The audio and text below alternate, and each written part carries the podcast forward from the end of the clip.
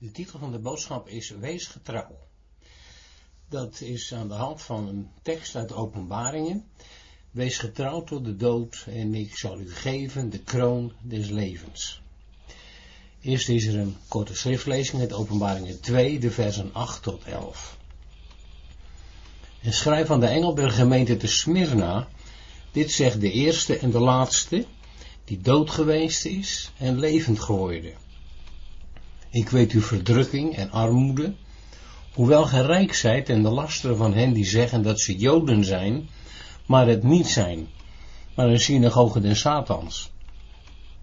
Wees niet bevreesd voor hetgeen gij lijden zult. Zie, de duivel zal sommigen uur in de gevangenis werpen, opdat gij verzocht wordt, en gij zult een verdrukking hebben van tien dagen. Wees getrouwd tot de dood, en ik zal u geven de kroon des levens. Wie een oor heeft, die horen wat de geest tot de gemeenten zegt. Wie overwint, zal van de tweede dood geen schade lijden. Smyrna was een stad in de Romeinse provincie Azië aan de Egeïsche Zee, wat nu het Aziatisch Turkije is. Nadat de stad aan het eind van de zevende eeuw voor Christus verwoest was, werd ze aan het begin van de derde eeuw voor Christus weer herbouwd. Het werd een van de meest welvarende steden van Klein-Azië. Een stad met prachtige gebouwen. De naam Smyrna betekent overigens mirre, de naam van een heerlijk parfum. Smyrna heet tegenwoordig Izmir. De korte schriftlezing is de tweede brief van de Heer der gemeente Jezus Christus.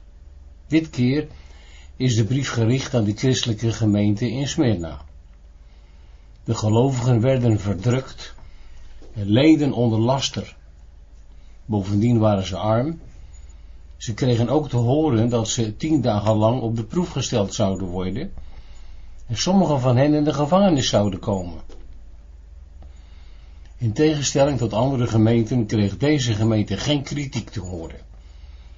Er loopt een parallel tussen geestelijke gezondheid en lijden. De gemeente droeg het kenmerk van lijden. Dat blijkt zuiverend te werken.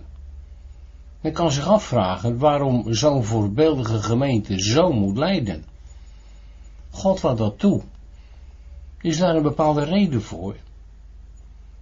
In de eerste plaats kan het tucht zijn. Het woord tucht valt bijna altijd verkeerd. Dat is dat dreigende vingertje. Dit is een misvatting. Tucht, in de oorspronkelijke betekenis, is het aanbrengen van correctie. Het is een aanpak om dat wat scheef is recht te zetten. Het gaat om verbetering. Maar dat bleek voor deze gemeente niet nodig te zijn. Er was immers geen kritiek.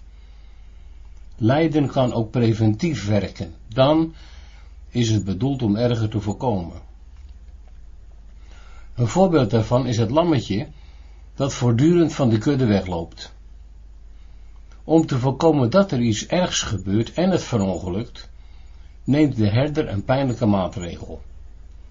Hij breekt een poot van het lam om te voorkomen dat het verongelukt. Lijden werkt ook opvoedend. Het leidt tot verdieping, tot rijping, tot groei naar volwassenheid. Het bevordert ook begrip voor andere mensen. Lijden dient soms ook als getuigenis. De Amerikaanse Joni Erickson had een ongeluk met een paard en raakte vanaf haar hals verlamd. Maar door haar getuigenis werd ze tot ver over de grenzen bekend terwijl ze eerst om een spuitje had gevraagd, omdat ze niet meer wilde leven. Ze is velen tot zegen geworden. Zo verspreidde ook de gemeente van Smyrna door het lijden gelouterd een indrukwekkend getuigenis, een heerlijke geur. Er werd lijden aangekondigd, maar de heer der gemeente zei, wees niet bevreesd voor hetgeen gij lijden zult. Zie, de duivel zal sommigen uur in de gevangenis werpen, opdat gij verzocht wordt, en gij zult een verdrukking hebben van tien dagen. Wees getrouw tot de dood, en ik zal u geven de kroon des levens. Dat was de belofte van de Heer, het hoofd van de gemeente. Niet lang nadat Smyrna deze brief ontvangen had, heeft de apostel Johannes zijn leerling Polycarpus als opziener van de gemeente aangesteld. Hij is er vele jaren geweest. Hij was de laatste die de apostel persoonlijk heeft gekend. Ook later bleven de vervolgingen aanhouden. Op zekere dag werd de 86-jarige Polycarpus gezocht. De bezorgde gemeente drong er sterk op aan dat hij de stad uit zou gaan. Hij verbleef buiten op een boerderij. Hij werd toch ontdekt. Daar kwamen de overheidsdienaars hem halen. Hij wist het. Maar voordat ze naar de stad terugkeerden, liet Polycarpus zijn vervolgens eerst nog een maaltijd voorzetten. Eenmaal in de stad gekomen werd hem in het openbaar aangezegd dat hij Jezus Christus moest verloochenen. Zijn antwoord was kort en duidelijk. 86 jaar heb ik God gediend. Nooit heeft hij mij bedrogen. Hem nu verloochenen? Nee. Driemaal werden de rechters de beschuldiging tegen hem uitgesproken. Polycarpus zegt dat hij een christen is. De toeziende menigte brulde, verbrand hem. En zo gebeurde. Maar Polycarpus hield vast aan de belofte.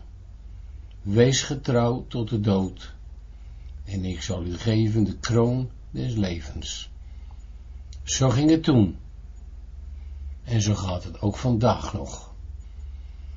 Polycarpus heeft zich ongetwijfeld het woord van de apostel Paulus herinnerd, dat wij door vele verdrukkingen het koninkrijk gods moeten binnengaan. Het geldt ook voor vandaag. Velen schijnen te doen alsof dit niet in Gods woord staat. Wie niet met en na dit woord wil leven, heeft een oppervlakkig geloof, dat in tijden van beproeving en vervolging geen stand kan houden. Het is een boodschap die niet lekker in het gehoor ligt. Willen wij een verhaaltje of willen we Gods woord horen? Dit is wat Gods woord zegt. En Gods belofte staat nog altijd als een rots. Amen.